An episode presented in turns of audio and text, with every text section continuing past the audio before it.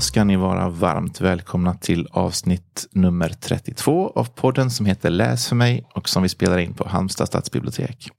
Jag heter Fredrik Holm och eh, vid min sida har jag en vikarierande programledare eh, som heter Linda Svensson. Vill du säga någonting om dig? Ja, det kan jag väl göra. Eh, Linda heter jag, eh, jobbar som bibliotekarie på två filialbibliotek här i Halmstad, Harplinge och Getinge.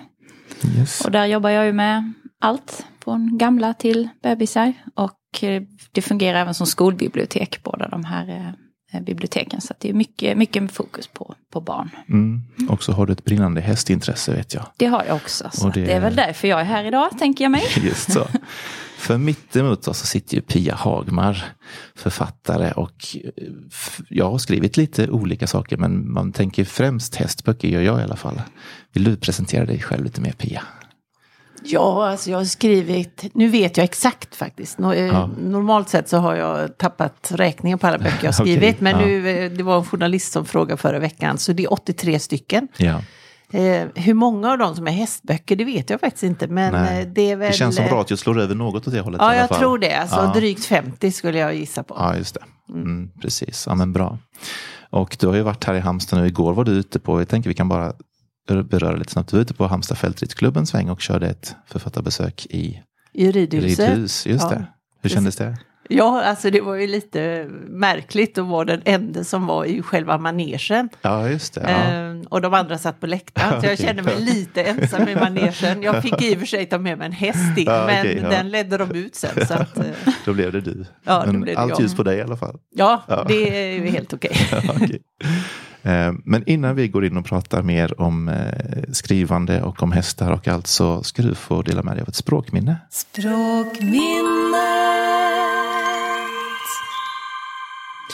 Ja, alltså jag tänker det här med att eh, det här med att läsa. Så för mig, jag tänkte jag skulle bara berätta hur det kom sig, alltså hur jag lärde mig läsa. Mm. Vi hade, jag har en stor familj, jag har fyra småsyskon. Alla småsyskon hade nog inte hunnit bli födda vid det här tillfället, för jag var bara fem år. Eh, och vi flyttade från en trång lägenhet till ett jättestort hus med massor med mystiska rum och källare och vinds. Så där uppe i ett vindsutrymme så hittade jag en låda med böcker som barnen som hade bott där innan hade lämnat kvar. Okej. Och jag började gräva i den här lådan och hittade en gammal läsebok. Alltså jag kunde ju inte läsa, men jag Nej. satt och bläddrade i den här. Och jag vet liksom inte hur det gick till, men plötsligt så förstod jag vad det stod. Okej. Eh, ja, alltså jag satt Ja, där i det här vindsutrymmet och liksom tittade på de här bokstäverna och liksom man, på något sätt hade man ju att det här ska, och plötsligt förstod jag. Rusade ner till mamma och liksom, mamma, mamma, jag kan läsa.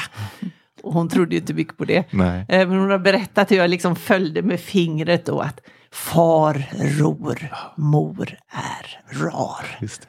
Och vilken känsla! Ja. Alltså efter det, för plötsligt så hängde ju liksom bokstäverna ihop.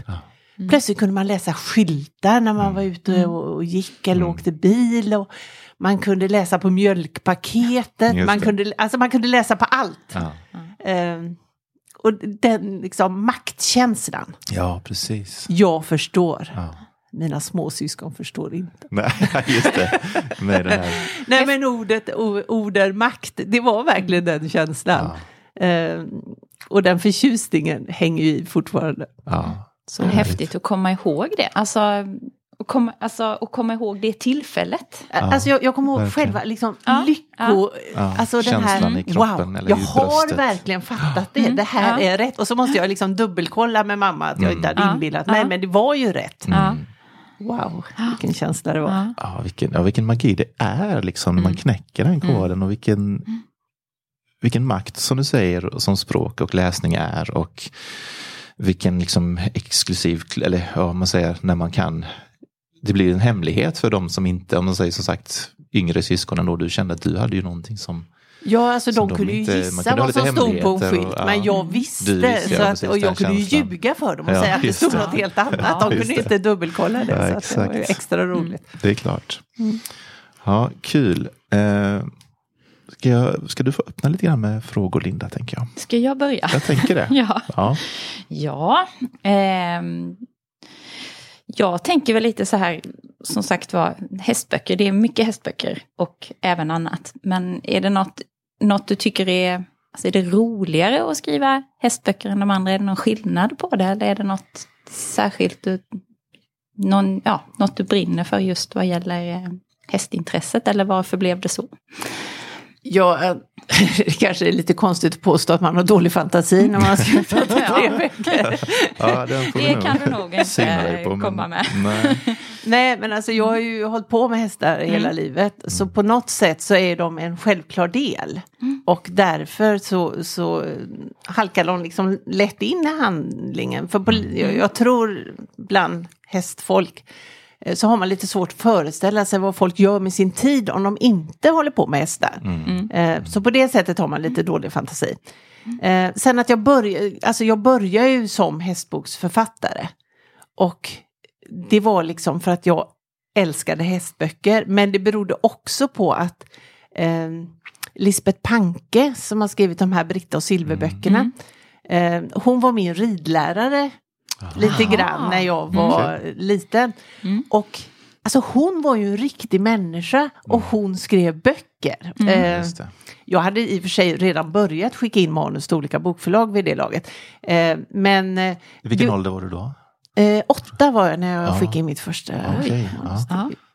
Så jag skulle nog vilja hävda faktiskt att jag är eh, en av Sveriges mest refuserade författare.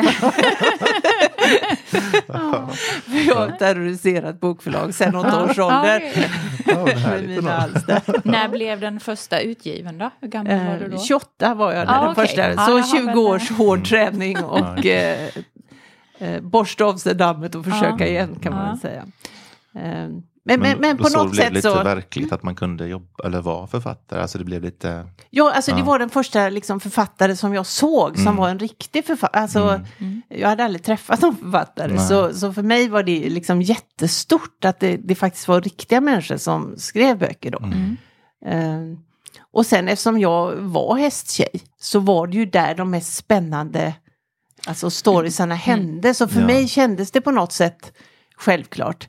Sen, jag hittade faktiskt häromveckan så hittade jag ett refuseringsbrev från Bonnier eh, när jag var 16. Ja. Eh, och där står det att, att de tackar så himla mycket för eh, dikterna som jag hade skickat in till dem. Okej. Eh, och jag hade en poetisk känsla men kanske inte riktigt hade hittat min ton än. Eh, och jag har absolut inget minne av att jag någonsin har skrivit en dikt i hela mitt liv. Oj. Men tydligen måste jag ha skrivit så många så att jag fick ihop det. jag tror det Ja, ja. Ja. tillräckligt för att bli refuserad Ja. av Bonnier. Så, Jaha. Ja, spännande. eh, så, så jag skrev liksom inte bara om hästar. Men Nej. det var det, eh, alltså den första Ja. bok som blev antagen var en hästbok. Mm. Jag, skrev någon vuxenroman i 20-årsåldern och Mm. ja, så. Men det är klart det kanske är lätt, alltså lättare när man nu, som du säger, har ett hästintresse, man är i stallet. Där, det är ju mycket intriger och man kan den miljön och då blir det kanske också ganska ja, autentiska böcker på något vis. För det är ju lite att det händer på riktigt. Alltså ju- jag tror att oavsett vad man skriver om, att man liksom har någon sorts alltså, passion och fingertoppskänsla. Alltså, jag själv som hästboksläsare när jag var liten och sådana jag träffar nu, alltså hästtjejer, det är ju mest tjejer, Mm, men alltså de mm. som håller på med hästar, alltså de kan ju så mycket. Ja. Mm. Eh, så minsta faktafel eller liksom Mm. Ja. fel tonfall, Mm. det märker man direkt. Mm. Just det. Eh, jag hade en eh, favorithästboksförfattare när jag var liten. Men i en bok som jag läste så står det plötsligt att hästen kräktes. Mm. Och hästar kan inte kräkas. Nej. Och för mig så tog det liksom bort hela trovärdigheten Ja, från hela allt. författarskapet. Ja. Eh, vilket kanske var lite hårt. Men, Ja. men, Jo, eh, men men, för mig så var det så att det, det plötsligt var inte det en författare som jag hade respekt för. Eh, Så, ja. Eh, så, så därför så tror jag att för, för många som faktiskt håller på med hästar så är liksom att tonfallet känns äkta betyder väldigt mycket. Att man liksom Mm. känner igen sig. Precis. Mm. Ehm, vi kör varannan dag, Linda. Mm. Vi har ju inte skrivit något riktigt manus utan vi brukar gilla att ha det lite samtalsmässigt här. Men jag, jag har en liten sån här eh, jag fick väl en liten teori häromdagen att eh, när jag började tänka på hästboken att jag vill bara kasta ut den här och, och se vad du tänker om det. Alltså, tror du att hästboken och liksom fantasitillflykten kanske är viktigare ja nu ska vi se hur jag kan formulera det här snyggt. Men om man säger så här, när, när mina barn var mindre så var det ju, det var just min dotter då som var hästintresserad och, och höll på med ridning. Och sonen spelar fotboll och fotbollen kostar kanske 300 spänn om året eller något sånt där. Sen ska man ha lite skor och grejer medan ridningen kostar nog 3000 per termin. Och det är ju inte alla som, som har möjlighet att, att rida eller varken ha egen häst eller ens gå på ridlektioner för det är mm. ganska dyrt. Tror du liksom att läsa om hästar är ännu viktigare än att läsa om något annat. Om man säger så, tror du den kan vara en, en dröm på ett annat sätt än annan? Um, förstår du ja, vad jag är ute efter? Ja, jo, jag förstår. Alltså för mig var det ju väldigt mycket så. Mm. Uh, att, att för mig så var liksom och det märker jag med många som läser mina hästböcker och skriver till mig. Mm. Att man liksom lever sig in och liksom låtsas att man är huvudpersonen och mm. är i den världen. Um, och alltså även sådana som både av ekonom, alltså det är ju dyrt ja, att hålla just. på med, men mm. alltså du, du kan ändå på något sätt hänga i ett stall. Mm, alltså, mm. Och många hästböcker handlar ju också om eh, Alltså det finns en klassaspekt i många hästböcker. Eh, ibland kan det vara lite eh, jag, jag har tänkt mycket på det att ofta så är de goda, de fattiga och de elaka ja, de rika. Alltså ja, det finns det. en sån mm. eh, lite slentrianmässig, så på något sätt vore det ganska kul att vända på det just någon det. gång. Ja, mm. faktiskt. Och så. Eh, men, men sen tänkte jag på det här som du sa tidigare, liksom vad jag vill med hästboksskrivandet och så. Alltså jag, jag, kan ju känna att eh, Alltså det, det, finns så mycket fördomar om hästböcker att det är dålig litteratur och, och så vidare. Eh, det finns ju också mycket fördomar mot vad det är att hålla på med hästar. Mm. Alltså många utifrån, alltså de, de tänker sig att det är liksom bara massa gulligull, man står och kammar manar och, mm. och pussas på små luddiga mular och, mm. och sådär. Och det är klart, alltså det finns ju ett stort mått av kärlek i förhållande mellan människa och häst. Mm. Eh, men egentligen så tror jag att liksom, attraktionskraften i att hålla på med hästar är någonting helt annat. Mm. För med, alltså, vi, vi snackar om djur som väger ett halvt ton. Ja, mm. Vi snackar om småungar som är liksom, alltså kunna hantera mm. ett så stort djur. Mm. Och gör man det fel så blir alltså de kan ju verkligen vara farliga. Ja, ja, visst. Så att det är ju en enorm liksom, maktkänsla mm. och att man känner sig alltså i stallet så värdesätts helt andra saker. Mm. Främst bland tjejer, alltså mm. normalt sett så ska man ju typ bara vara söt. Ja, det är ganska det. trist att gå omkring och mm. försöka vara söt. Mm. Eller känna att man inte duger för att man inte är tillräckligt söt. Mm. Alltså båda sakerna är ju ganska tråkiga. Ja. Men i ett stall så, så skiter folk i om du är söt eller inte. Mm. Utan plötsligt så värdesätts liksom kunskap och, och, och ja, styrka och ja, ja. mod och mm. helt andra mm. saker. Och då känner jag att man liksom, alltså kvinnorollen får ju liksom blomma ut på ett helt annat mm. sätt mm. i ett stall. Vilket är jätteroligt att mm. skildra i bokform tycker jag. Så det är lite grann, eh, ja. Absolut. Man får in väldigt mycket viktiga saker i i en bok, alltså i hästhanteringen. När man, ja, precis. Alltså, alltså det... liksom respekten till det här stora djuret, att man är lyhörd och att man lyssnar in. Och man kan inte gå och klampa in och vara arg för att det har hänt någonting innan på dagen, för det påverkar ju djuren direkt. Mm. Liksom. Man måste ju kunna fokusera på det man håller på med. Och mm. Man får lite annan, eh, ja, annat perspektiv på tillvaron på något vis. Mm. Det gäller ju att vara närvarande, det lärde mm. jag mig av den korta tiden jag var med i, i ja, det räknades med att, eller man räknade med att föräldrarna skulle vara med och, och hjälpa till där i början. De började idag. Det var ju väldigt häftigt att få ta del i den världen liksom och lära sig tränsa och rykta och kratsa hovar och liksom vända hästarna. Och liksom, mm. du, du, du kan ju inte ha tankarna någon annanstans. Du får ju vara närvarande och det är ju hårt jobb. Liksom. Man måste ju vara närvarande. Men jag mm. menar, du upptäckte ju också då att det är ju faktiskt stora djur. Ja, och det var inte så att du tänkte, åh, här står jag och kammar en man och vad gulligt nej, nej. allting är. Alltså. Nej. nej. Jag kan också verkligen fundera över, alltså, jag tycker det är så konstigt det där med att, man, att det har blivit så Alltså machomän, de ska inte hålla på med hästar. Men hästar har ju haft, alltså det har ju varit väldigt olika i olika kulturer hur, hur eh, om det har varit manligt eller kvinnligt att hålla på med hästar. Och jag tycker det är så konstigt att män själva vill begränsa sig till att det här ska inte jag hålla på med. Jag tycker det är en helt en stor och bred diskussion, men liksom Ja. varför man som man också förlöjligar och hånar någonting som skulle kunna ge så mycket också. Och som Att har man- gett så mycket att Ja. man släpper det. ja, Alltså, det är ju- precis. eh, en av mina söner, eh, han red ganska mycket och hade egen ponny och så när han Ja. var liten. Men, men han sa med sina killkompisar att många tyckte att det var liksom lite fånigt. Mm. Så sa han, alltså, eh, de, förs- för de körde eh, motocross. Mm, alltså, mm. Han sa, alltså det här är ju en helt annan sak. Alltså, om jag hoppar en terrängbana ute i skogen, det är ju minst lika farligt som att köra cross. Ja, ja, ja. Eh, Så det är ju inte liksom, men det är mycket större utmaning för att det är jag och ett Mm. levande djur. Precis. Jag måste vara liksom, vi måste vara, vilja samma sak. Mm. Man kan, alltså med en, eh, eh, med en kross så kan du liksom köra sönder den och så lagar du den. Mm. Men med ett levande djur så måste du vara rädd om den också. Det finns ju en omsorg, det finns ett kamratskap. Han sa det det är liksom lika mycket fast mycket mer. Ja, visst. Eh, Och en egen vilja, men en, en cross sparkar ju inte bakut eller stegrar sig eller liksom, ja det kan man Nej, det- med- med vilje då, ja, precis, man har ju en annan, man har ju, Ja. det, det är klart det är, en, det är en krävande sport också, men det är en helt annan, du kan ju kontrollera din, ditt fordon på ett annat sätt än vad du kan kontrollera. en Men alltså jag tror själva liksom magin med hästeriet, Ja, ja, det är ju just det här när det faktiskt stämmer. Mm. Eh, när man verkligen känner att hästen och en själv är liksom en enhet. Precis. Eh, de få sekunder i ens liv som man har Ja. upplevt det. Ja. Alltså det är värt alltihop. Mm. Absolut, jag kan tänka mig. Ja.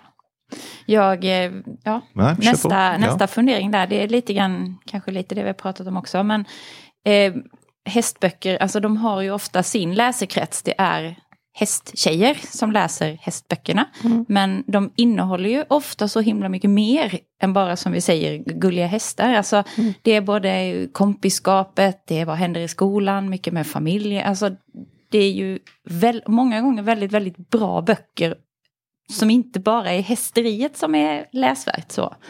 Och eh, en del av dem, framförallt de ungdomsböcker som finns, har vi ju då på våra bibliotek placerat, inte då på häst eller djurhyllan. Det finns inget sånt på ungdomssidan, utan de har hamnat mer kanske som temahylla som livsviktigt att vara ung. Och då tänker jag mig att då når de ju förhoppningsvis en lite bredare läsekrets. Kanske. Och Jag vet inte om det är något som du också har funderat på eller att det blir liksom lite det är lite synd ibland, för man tycker många hästböcker är så bra. Man skulle vilja att fler läste dem. Alltså, man- kan ju känna en frustration över att liksom, hästarna i sig är så avskräckande Ja. eh, för många. Eh, men, men eh, alltså, jag, jag, jag vet att alltså, på, på något sätt så är det ju ändå Alltså man läser, vi läser ju allihop böcker om alla möjliga sorts ämnen. Alltså, eh, och man håller ju inte på med allting. Nej. Nej. Eh, Så det är någonting märkligt just med hästar tycker jag. Alltså om, om det är en häst på framsidan så är det en hästbok. Mm, mm. Är det en hund på framsidan så säger man ju inte att det är en hundbok. Och är det ett marsvin på framsidan så säger man ju definitivt inte liksom åh, det har kommit en ny marsvin. Alltså det, det, det är liksom Ja. en Så hästbok är ju liksom väldigt specifik på något sätt. Och, och samtidigt så är det ju det är också lite härligt. Att, att det faktiskt är en liten, alltså det är en värld för sig. Alltså, eh, eh, att att eh, träffar man andra hästboksläsare, alltså vi har en egen värld som precis. andra inte har tillträde till. Ja. Eh, eller de har ju tillträde till den, men de har inte förstått att de Nej. borde gå dit. Nej, Ja, det är ett litet motstånd att, att ta den för Ja. att en häst Men, men, men på något sätt, alltså vuxna hästtjejer, alltså vi har en gemensam bas av hästböcker vi har läst och jag tror vi kan diskutera dem ungefär hur länge som helst. Mm, Eh, så det är liksom en speciell värld, Precis. en mystisk värld som Och liksom, alla är välkomna egentligen men Ja. de har inte förstått det. Nej, och det är svårt att lotsa in någon annan i dem. Jag tänker de här böckerna om Millan till exempel. De är ju super, superbra. Ungdomsböcker, inte så tjocka och jättebra. Och handlar ju också om svåra ämnen och svår livssituation och det är ju stött omöjligt att få någon annan som inte gillar hästar och, och låna dem och läsa Mm. dem. Och man tycker, men de är ju så bra. men det Ja. är, det är, nej, det, det är ju en häst på. Ja, alltså Millan handlar ju egentligen om eh, barnfattigdom. Ja visst gör det det, det handlar ju om. Ja, den det, det, det handlar ju egentligen, det är ju inte hästbok på det viset. Nej. Men, men det blir det ändå. På Ja. sätt. Men, men på ett sätt kan jag ju förstå det, för om, om jag liksom ser jag har inget emot fotboll, men jag är inte speciellt intresserad av det heller. Nej. Så liksom ser jag en framsida som liksom signalerar fotbollsbok, Mm. så tar inte jag den. Nej. Så, Nej. så det, Nej, det är det, samma är klart, sak. Nej, alltså det, kanske lite olika håll. Ja. Ja. ja, så man, man får väl helt enkelt eh, ta det. Ja. Eh, att alla läser ju ändå inte alla böcker, alltså man hinner ju Nej. aldrig läsa alla Nej. Så är det Nej. ju. Så är det ju. Eh, nej, jag tänker ibland också på att hästboken, jag tycker den, den får ju, om man pratar lite om hästbokens ställning, då, den har ju som sagt varit, eh, och kanske fortfarande är i viss mån, men det är väl bättre nu tycker jag, men sagt den har varit lite styvmoderligt behandlad och det har liksom varit, ja, och hur många hästböcker kan det finnas? Men så sägs det ju inte ofta om någon annan genre, liksom, alltså hur många hur många deckare för vuxna kan man skriva egentligen? Eller, du vet, så här, Mm. Hästboken får lite, varför, varför tror du det är så egentligen? Alltså? Är det för folk inte förstår eller är det för att det finns ju liksom verkligen fotbollsböcker finns ju också i en uppsjö och det finns fantasyböcker i en uppsjö. Men liksom, det är just hästboken, tycker jag i alla fall, som man ibland kan, kan uppleva att någon säger så. Alltså man, man kan ju tänka sig att det finns eh, Alltså det här med hästar är ju väldigt kvinnligt Mm. kodat just eh, nu. Jag menar tidigare så var det ju manligt att hålla på med ja, hästar och nu är det just i Sverige i alla fall. Alltså Ja. väldigt kvinnlig sysselsättning och på Mm. något sätt så eh, är det ju faktiskt så att allting som som eh, kvinnor intresserar sig Mm. för tappar plötsligt i status. Ju, jag menar ju fler kvinnliga läkare det blir ju mindre status får läkare. Ja. Alltså, det, det är ju, eh, så någon, någonstans så finns det nog eh, ju- just för att det är mycket tjejer. Alltså det är ju en jättelik sport. Det är ju massor med folk som håller på med. Mm. Alltså ridsport är ju en jättestor sport. Mm. Men, men jag tror att det är just för att det är mycket tjejer som håller på som det Ja, är så. det är och så. just därför så blir man ju liksom arg och Ja. eh, vill skriva fler hästböcker. Ja, precis. Mm. Ja, nej, för det är nästan, och, och är det, däremot så kan man ju nästan se, jag tycker om, och det är väl likadant i även många andra kvinnligt dominerade eh, ämnen eller jobb och sånt, så ser, är det, finns det män så är det väl nästan i den absoluta toppen i så, för man tänker det finns ju en del framstående liksom elitryttare som är män som vi ser framgångar Mm. med. Så att, och även i vårt, vårt yrke som är väldigt kvinnodominerat. I, åker jag på en eh, konferens för barnbibliotekarier så är det inte, jättemång, inte jättelång kö till killtoan om man säger så. Mm. Eh, men däremot finns ju en annan chef och sånt. Men det finns ju ofta, det är ju den strukturen också som, Ja. som finns. Liksom. Men däremot kanske det kan vara en fördel att man kan se då till exempel Peder Fredriksson eller någon, det kanske kan väcka en, ett intresse hos, hos eh, grabbar att hålla på med hästsport på så sätt när man ser framgångsrika. absolut. Mm. Men ja, nej, det är en spännande, spännande grej, hela den här genusdiskussionen. Um, ja, varsågod Linda. Om det. Ja, Mm. eh, vuxenböcker finns det inte så många om hästar. Men du har skrivit en. jag har skrivit Jag tror- två faktiskt. Har du skrivit två? Ja. Vad heter... Ja, du och jag och vi, den har jag läst. Men, Ja, eh, den skrev jag, den kom ut, jag kommer inte ihåg, 2012 eller 2013. ja, eller det kan nog vara något sånt. Mm. Eh, Det kom en för eh, två år sedan som hette eh, Kunde varit vi. Det är väl mer en psykologisk thriller Ah, ja. men eh, det finns Mm. hästar med. Huvudpersonen har ju häst så Ja. då är man ju nödd Ja. och tvungen att ta Ja. sig till stallet Ja. titt som tätt. ja, precis. Precis. Ja. Mm. Eh, Nej men det var väl lite grann som jag kände att det, att det, det har ju faktiskt kommit på senare år en och annan eh, hästbok. Eh, även för vuxna. Eh, men då 2012 när den första kom då, då fanns det väldigt Mm.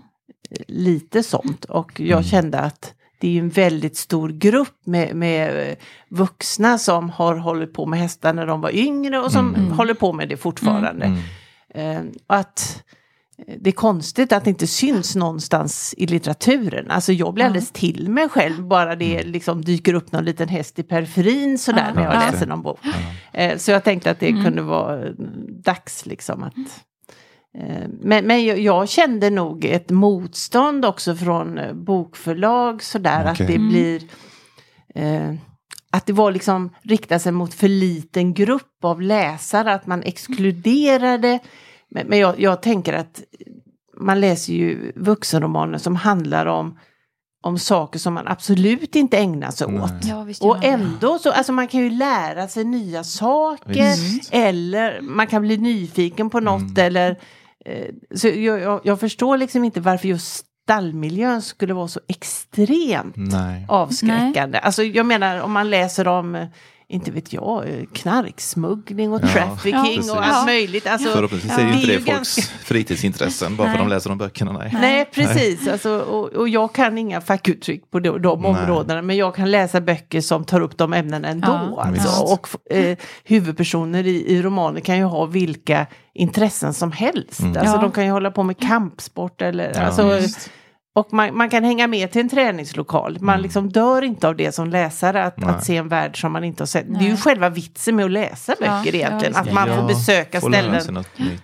Där man Ja. inte har varit tidigare. Ja, precis. Så jag tänker, det är svårt att veta vad folk är intresserade också. Nu är det visserligen en fackbok, då, men en, en jätteläst bok för några år sedan var ju den här ålevangeliet som kom, eh, som handlar liksom Ja. om ålens eh, Ja. livscykel. Och Ja. liksom hela, Ja. Den blev ju hur stor som helst. Det var nog ingen som kanske riktigt... superintressant. Ja, Ja. så varför man eh, skulle vilja Nej. läsa om ålar Ja, man och inte vet om ju hästar är ju Nej. liksom lite märkligt. så. Nej, och det är ju också jättekonstigt argument där med att inte det finns så stor läsekrets. Mm. Det finns ju väldigt många vuxna som fortfarande håller på med hästar och vars barn håller på med hästar Ja. som säkert också kanske egentligen inte har så mycket tid att läsa men hade det varit en bok där det är mitt största intresse det handlar om också så hade man kanske faktiskt tagit sig tid att läsa den här boken. Så att det, Mm. det, jag, jag tycker man kan sakna det lite, att inte det finns fler så mer renodlat hästböcker som det finns för barn. De Mm. finns för vuxna också. För det, De är ju bra, de är ju lätta att läsa, det är roligt att läsa dem. Mm. Men, men jag, jag tycker det är ju med vuxenböcker eh, där, eh, som ing, alltså där hästvärlden ingår som en del. eh, Det är ju precis, alltså jag, jag ser ingen skillnad för att skriva för barn eller för tonåringar eller för vuxna. Eh, alltså på något sätt så skildrar man, man försöker i alla fall som författare liksom skildra en del av livet Just det. för vissa personer som man då liksom, för en själv så är de ju helt eh, verkliga. Mm. Eh, men de är ju påhittade, man får påminna sig om det ibland. Eh, men de håller ju på med det de håller på med, liksom, huvudpersonerna. Just Och eh, alltså det, det blir ju den världen. Mm. Eh, Mm. Och eh, alltså ibland så passar det ju. Alltså jag tycker inte man liksom krampaktigt ska lägga in en hästvärld om man inte tycker det passar i just den historien. Men liksom är, håller den huvudpersonen på med det här så är det ju en del av deras vardag och Ja, då ska den liksom eh, synas också. Mm. Precis, Ja. Eh, exakt. Och med tanke på de intriger man har i stallet så skulle det ju kunna bli, där finns ju en uppsjö av eh, spännande böcker att skriva. Alltså den här första, eh, Du och jag och vi, den här Ja. första, eh, den handlar om fyra kvinnor. Eh, och det de har gemensamt är då att de har sina hästar i samma stall. Så där är det ju verkligen liksom en hästbok för vuxna. Eh, men själva grundtanken med den boken, det var människor som man umgås med varenda dag i något sammanhang, det behöver ju inte vara ett stall, det kan ju vara på ett gym eller på en arbetsplats eller så. Men, men alltså man tror att man känner varandra. Mm. Mm. Och man liksom nöts mot varandra, man irriterar sig på vissa saker, man gillar vissa saker och, och sådär. Men att bakom den här ytan som man visar upp så kan det ju finnas precis vad som helst. Alltså du, du Mm. ser ju liksom eh, nog så trevlig ut men bakom den där trevliga ytan Ja. så kan det ju finnas liksom en avgrund av hemska saker eller sorgliga Mm. saker Mm. eller ehm, så eh, ja alltså det, det tycker jag nästan är det liksom eh, Alltså det är spännande Det är att man liksom spännande. inte vet Mm. vad som finns där bakom. Och jag tyckte också att det var roligt och, och att man liksom tror att man känner varandra och sen när det krackelerar att man långsamt liksom förstår att man har liksom bilder av varandra som Mm. inte alls stämmer med Ja, verkligheten. Mm. Men jag kommer att tänka på en sak nu när du sa det här med intriger istället. Så det är också den här bilden man har och det är också ett ämne ofta i kanske hästböckerna att det är slitningar mellan kompisar. Eller också som du säger, det kan vara slitningar mellan i en klass kan det vara liksom mellan hästtjejerna och de andra och så vidare. Men mm. grupperingar. Men tror ni att det är, det är klart att det finns intriger och krångligheter och bråk. Men tror ni det är mer intriger i ett stall än i ett fotbollslag eller på en arbetsplats eller på en, jag vet inte vad. Tror ni, tror ni stallet är mer intrig härjat än andra sammanhang i liknande Egentligen inte faktiskt. Jag tror att det, det är liksom ett praktiskt utsnitt av hur, hur världen är. Ja. Helt enkelt. Och bra alltså, ämnen när man skriver mm. såklart också. Ja, alltså det är en avgränsad ja. värld som jag eh, mm. personligen då känner till ganska ja. väl. Så och så behövs det lite intriger för att skapa, driva ja, en berättelse. Ja, precis. Mm. Sen kan ju en, ytterligare en faktor just i ett stall, det måste ju vara att det är precis lika olika människor i en skolklass eller på en arbetsplats eller ett fotbollslag. Men säg att man är i ett stall där man har sin egen häst. Så är det ju, alltså hästen tillkommer ju som ytterligare ett moment där du har din ögonsten som du vill mm. ditt allra, allra bästa. Mm. Och du lägger väldigt mycket pengar på det. Och så mm. har man kanske lite olika åsikter om vad som är det bästa. Just för hästarna. Sy synpunkter. Ja, och där, där tillkommer ju ytterligare kanske en som gör att det kan bli lite mer intriger och bråk. För jag vill att min häst ska vara ute så länge som möjligt på kvällen. Medan nästa tycker att hästen kan inte vara ute när det regnar och blåser och börjar bli mörkt. Mm. Och då har du en konflikt. Och hur och många den tecken och vilken mm. tjocklek. Och det kan man ju diskutera ja. absurdum. Ja. Men jag menar, det, det, det, finns ju liksom massor med krig i världen. Så, ja. folk bråkar ju om ja, olika saker. Också, Men just precis. det kanske man inte har i fotbollslaget. Just den, det, den, den aspekten nej, med, med djuret. Ja. En, en grej till i ett stall. Och det tror Sånt. många gånger är det där eh, problemen uppstår mm, kanske. Mm. Jag, jag tänker mig att det kan vara liknande med barn. Mm. Alltså om ja, man har precis. synpunkter på någon mm. annans barnuppfostran. Ja, alltså det, det, någonting som är det, ens käraste i livet. Mm. Och så kommer någon och säger att det där gör du ganska dåligt. Ja. Alltså det skapar ju aggressioner. Ja, visst. Eh, och mm. drama. Jo, det är precis samma sak. Så öppen förskola kanske skulle vara ungefär samma sak som att beskriva ja. Ja, precis. Ja. men det är sant, just hästen där och vem som mm. får rida på vilken häst, vilken lektion och sånt. Förklart, för fotbollen så har du får en boll liksom. Du får inte... Liksom, Alla är lika runda. Ja, precis. Du får inte ja, den ena hästen eller den andra. Men man kan ja. ju ändå tänka sig att man upplever att tränaren har favoriter. Ja, eller jo, att man kanske vilken plats i laget. Alltså, jag kan för lite om fotboll för mm. att förstå jo. intrigerna. Nej, men det är ju inte mm. intriglöst där heller såklart. Nej, men det, det, är som du säger Linda, hästen är ju som sagt. Ja, där, där tillkommer en, en, en, faktor, en faktor där ja, som kan skapa problem. Kärlek. Ja, I grunden är det ju det. Vi ska ju fortsätta prata men jag tror jag ska peta in ett annat litet fast moment som vi brukar ha här och det är Det blir lite kuckelimuckfika. Och kuckelimuckfika funkar så att vi läser en bit ur en bok som sedan leder fram till någonting att äta. Och eh, idag så hittar jag, det brukar vara ganska spontant, igår när jag var nere på barnavdelningen så hittade jag jag tycker ofta att bilderböcker blir väldigt bra till sådana här ställen eller till sådana här grejer.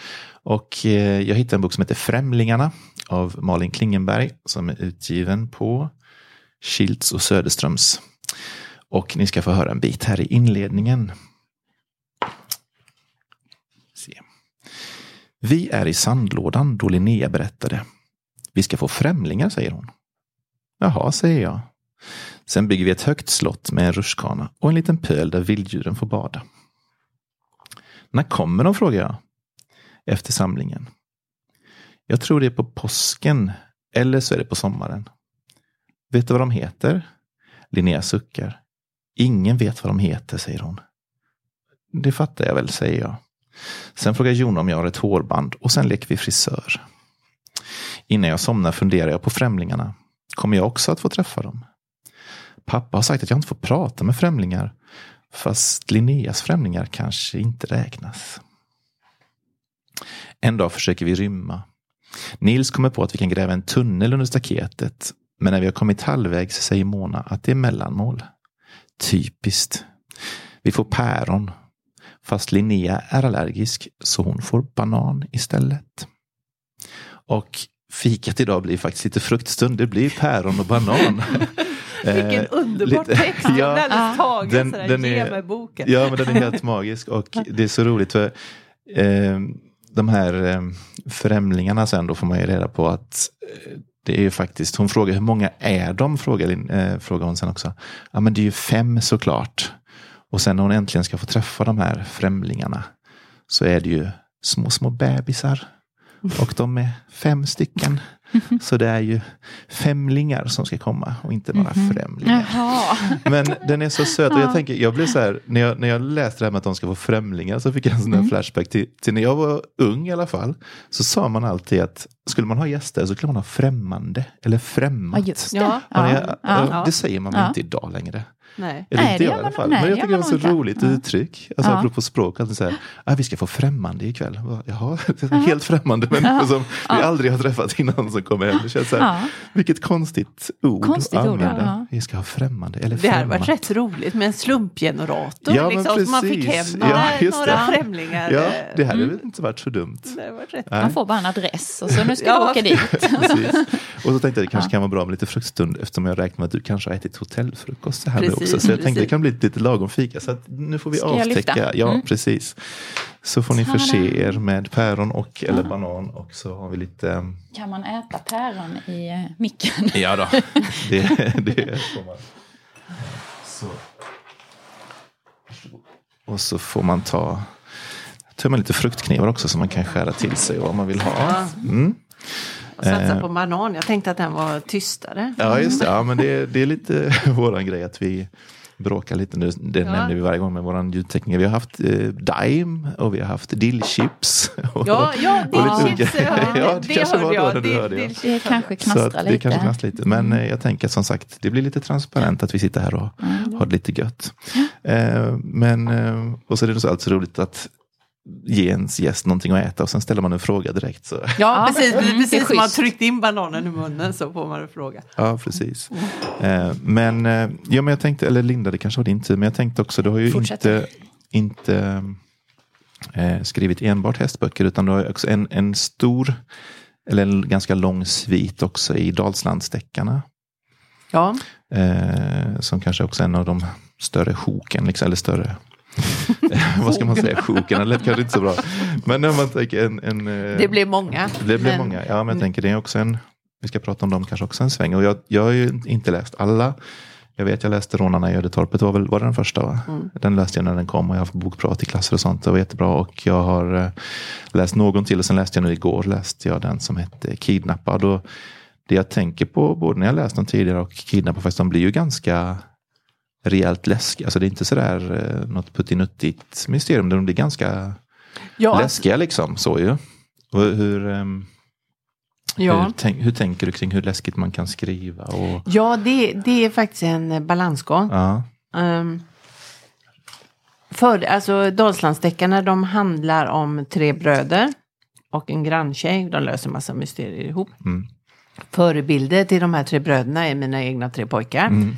Ehm, och alltså nu är de ju vuxna, men när de växte upp man kan väl säga lite att de ville ju att det skulle vara så spännande som möjligt så de hetsade mig ganska mycket okej. eh, till att det skulle verkligen vara spännande. Mm.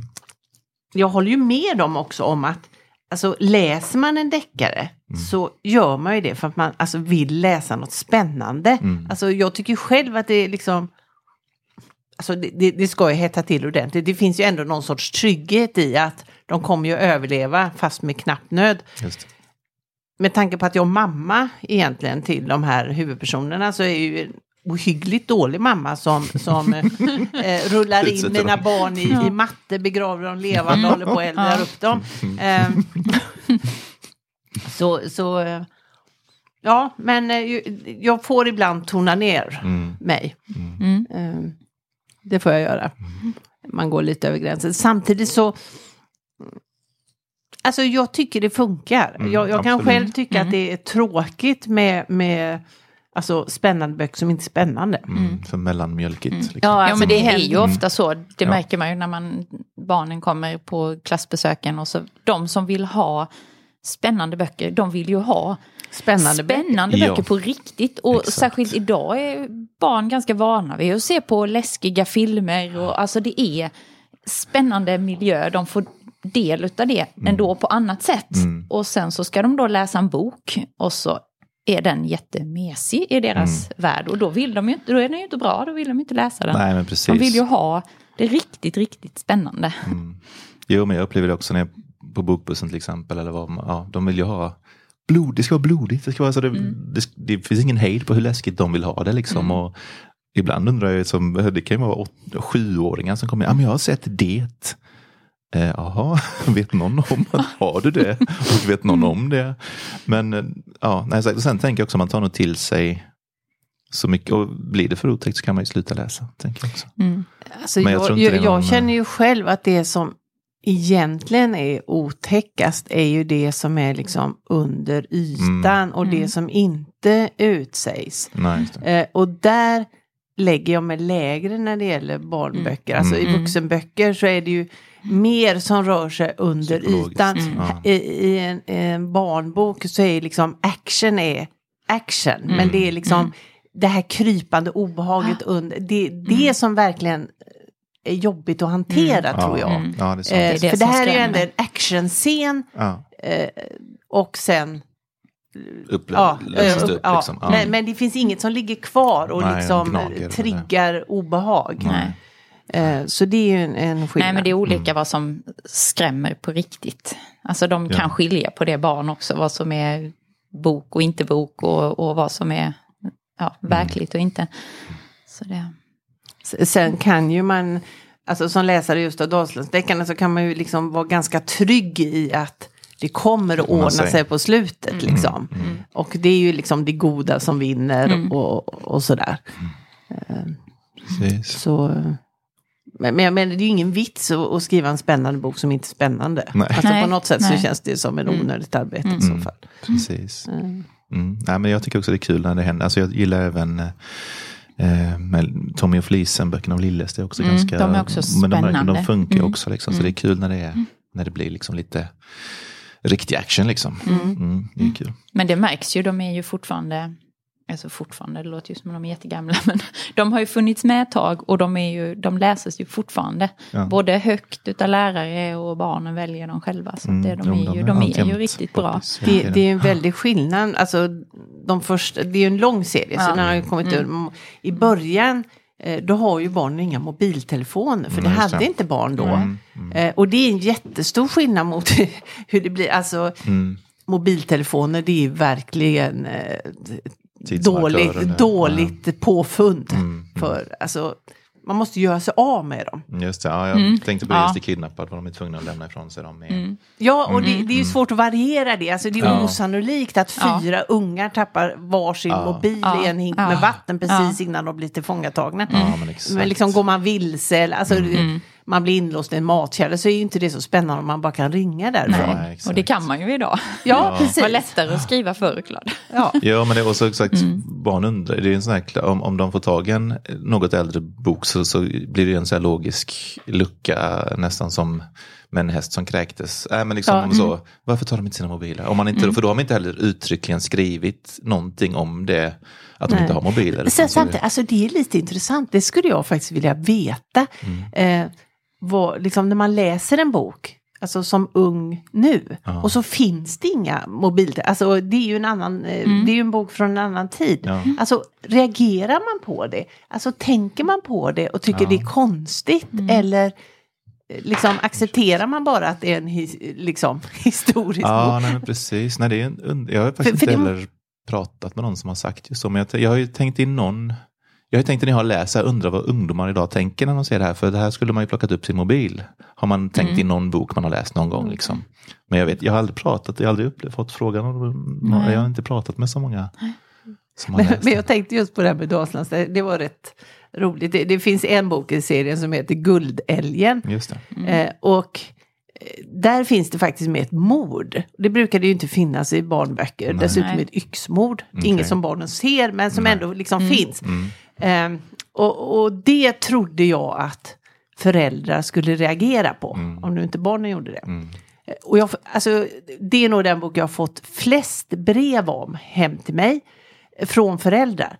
Ingen nämnde det här med att det förekommit yxmord. Utan däremot så ville de ha ritningen på kojan som ungarna bygger i där. För den här misstänkte yxmördaren han flyttar nämligen in i deras nybyggda koja Okej. ute i skogen.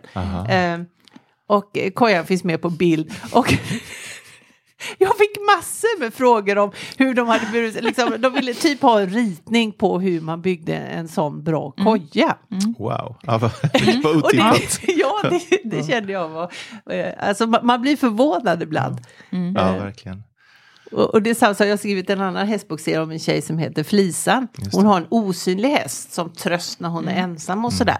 Eh, och, och en av mina söner, han tyckte så himla synd. Alltså, Mamma, all, seriöst, hon kan inte ha en bästa kompis som är en osynlig häst. Alltså det är för sorgligt, de måste få en riktig kompis. Eh, så då, då, då, då ser jag till att hon får en riktig kompis eh, efter några böcker i den här eh, bokserien. Eh, och då försvinner ju den här osynliga hästen. Plötsligt är han bara borta, han har liksom flyttat till någon som behöver honom bättre, någon som Ja. är mer ensam då. Och då fick jag också sådär enormt mycket Alltså folk grät och vart tog han, alltså, vart tog han vägen, vart tog han vägen? Alltså de, de saknar den Okej. osynliga Osynliga hästen. hästen, ja. Eh, Så i boken efter det så skrev jag in en scen när Flisan sitter på bussen och plötsligt får syn på sin osynliga häst Manolito med en annan liten ensam tjej som galopperar efter trottoaren. Eh, Det var liksom en hälsning till alla de som, som verkligen sörjde. Vart tog Manolito vägen? Och det var så sorgligt. Plötsligt låg det bara liksom en ensam skurborste kvar på hyllan i garaget. Just det. Ja, man vet aldrig vad det väcker när man skriver någonting. Nej, men det känns som ändå som alltså, fint, fint, liksom. Ja, att, verkligen. att, att man engagerar sig så i en Ja. osynlig häst som man blir ledsen när han försvinner. Det känns ju ändå fint. Ja, verkligen. Mm. Ja, snyggt.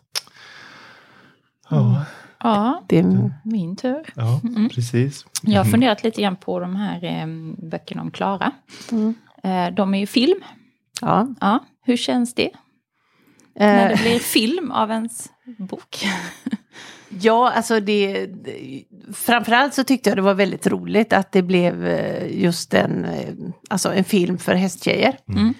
Eh, sen eh, första vändan där, då, då blev jag tillfrågad om att skriva manus. Eh, vilket jag tyckte lät jättespännande. eh, jag insåg snabbt att det inte var någonting för mig. F- för de liksom la sig i.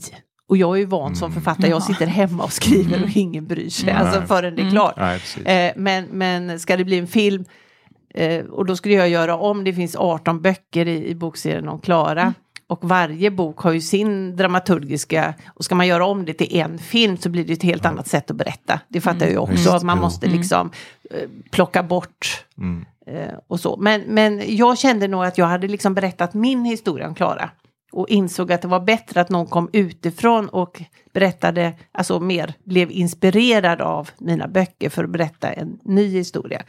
Eh, för det är ganska mycket som skiljer mellan eh, Klara-böckerna och Klara-filmen. Mm. Eh, Precis. så, men, men framförallt tyckte jag att det var roligt att det blev en film för eh, hästintresserade. För det är, inte- finns ju inte så många. Nej. Så det tyckte jag var jätteroligt. Och så var jag med på filminspelning och det var liksom lite surrealistiskt sådär. Och ändå se scener som man har tänkt ut in i sitt Just huvud. Och plötsligt händer de i verkligheten men de blir filmade och så plötsligt, ja, jättekonstigt. Ja, ja, men Ja. häftigt. Så det är en rolig grej jag har varit med om, helt enkelt. Men det är, bara, det är bara de som är filmer, Ja, än så länge. än så länge. Mm. De Dalslandsdeckarna kan bli någon spännande Ja, serie. Och det har ju varit på gång flera gånger så Ja. man vet liksom aldrig vad, alltså det här med filmbranschen, det, man vet aldrig vad som händer. Nej, så det det, man har så inga förhoppningar förrän Nej, det plötsligt har hänt. Mm. Så Schysst. Har du något mer på Nej, gång? Nej, du har nej fått... inte så som jag har Jag har tänkt inga- ut i förväg. Nej, jag har också fått reda på väldigt mycket av det jag undrade över. Men jag tänker vi, vi brukar ha ytterligare en fast programpunkt. Det kan få räcka med de pinsen där. Vi ser ju våra, eller vi ser ju, vi tycker att våra gäster är språksuperhjältar. Och vi brukar dela ut en liten pin med språksuperhjälte på. Och så får man också en liten pin med själva poddloggan. Eh, men du ska också få nominera en egen språksuperhjälte. Ja, alltså jag funderar jättemycket på det. Mm. Och eh, jag kom fram till att alltså jag kan inte nominera en person, utan jag tänkte nominera en hel grupp. Det går alldeles utmärkt. Förhoppningsvis en jättestor grupp. Ja. För jag tänkte nominera alla föräldrar eller människor som är nära barn. Mm. De som faktiskt tar sig tid och lägga sig i en soffa med Mm. ungen på armen och faktiskt läser högt. Ja, Eh, för det att man gör det. ja. Att man faktiskt tar sig den tiden att liksom eh, läsa tillsammans. Alltså jag blir alldeles, ba- bara du läste det här ja. lilla inför kuckelimuckfikan. Ja, ja. Så jag blir alldeles tårögd för det är så mysigt när Ja, någon läser det. högt för en. det är ju det. Eh, Men jag känner att det är liksom en, en sysselsättning som har försvunnit så himla mycket. Mm. Eh, och alltså jag är ganska mycket ute på skolor och, och gör författarbesök och håller skrivarkurser och sådär. Och alltså förmågan att läsa och skriva har sjunkit jättemycket senaste tio år. Alltså det är drastiskt Mm. försämrad eh, läskunnighet och skrivkunnighet. Eh, och jag tror att om man vill liksom mota det så är bästa medicinen eller alltså något så njutningsfullt som Ja. att faktiskt ta sig tid och krypa ner bredvid någon liten människa och så upplever man en ny värld tillsammans. Precis. Så jag, jag eh, nominerar alla som tar sig tid att läsa för barn. Ja, Härligt. underbart. Det kan vi bara stämma in på. och Absolut. Liksom verkligen, ja, det är, ju- och det är som sagt det är nog lätt att glömma så att hur det är, hur himla mysigt det är och vad det, väck, vad det ger både den som läser och den som Alltså lyssna. det, det är liksom. det jag saknar mest Mm. från mina barn var små. Ja. Alltså, så himla mysigt det var. Ja, ja, det och jag läste ju för dem, alltså de var ju gamla, de kunde ju Mm. läsa jättebra själva. Men det Ja, var ja. liksom en mysig stund man Ja. rundade av dagen med och liksom eh, Precis. De var ju väldigt förtjusta i fantasy, det är Mm. inte jag. Men ja, då, då fick jag uppleva en värld som jag aldrig hade upplevt annars. Precis, när man delar ju någonting liksom, Ja, ja, och en, en upplevelse och en, en resa liksom. Det är som att resa ihop eh, in i en annan värld liksom. Mm. Och, och läsa är ju fantastiskt och skriva är ju ännu fantastiskt. Ja, faktiskt. ja, Ju- Just nu, min, min senaste bok, är, då testar jag något helt nytt. Det är lite grann åt uh, spökhistoriehållet, fast det är en verklig historia. Okej. Eh, och det är någonting helt nytt för mig. Ja. Och eh, en, boken heter Evighetens hus. Okej. Eh, Flykten, det blev en, två böcker så det ja, Mm. för historien blev så himla... Eh, men, men det var någonting som, alltså det är något som hände mig själv. Mm. Eh, som är så supermärkligt. Eh, hinner jag bara berätta en liten... Absolut. Eh, för det började för jättelänge sedan, alltså 35 år sedan när jag var ung. Eh, och av en slump hamnade på Irland. Okej. Eh, och lyfta runt och hamnade i, i en liten by som heter Listonvarna på Irlands västkust. Eh, och så var jag ute och gick en, tillsammans med min pojkvän som jag hade då en lång promenad runt den här byn. Och så går vi där på grusvägen och så får vi plötsligt syn på ett gammalt förfallet stenhus. Eh, och det är ju inget konstigt med det, för sådana finns ju överallt på Irland. Men när jag får syn på det här huset, alltså någonting händer. Det, det, det känns som, plötsligt får jag inte luft, jag bara skaka hela kroppen, tårarna rinner och jag bara står och stirrar på det här huset och ser att Alltså, jag har kommit hem.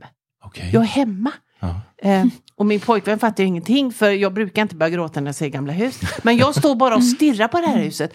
Och så är det en stentrappa utanför en stenhäll. Och plötsligt ser jag att det står en kvinna där. Eh, I lång klänning och utslaget hår. Och så bär hon ett litet barn på höften. Och två eller tre andra små barn klänger sig fast i hennes långa kjol. Och när jag står där och stirrar på den här kvinnan. Det här är liksom sant. Eh, så plötsligt så lyfter hon blicken och tittar rakt på mig så våra ögon möts.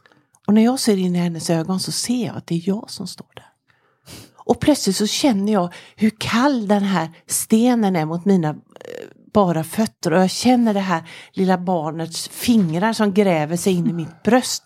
Och jag känner alltså en enorm skräck för att mina barn ska svälta ihjäl. Att inte jag ska klara av att kunna skaffa mat åt dem. Eh, och på den tiden så hade jag ingen aning om irländsk historia. Nu Nej. känner jag ju till den stora svältkatastrofen med potatispesten och Nej, sådär. nej. Men det visste jag absolut ingenting om då. Nej.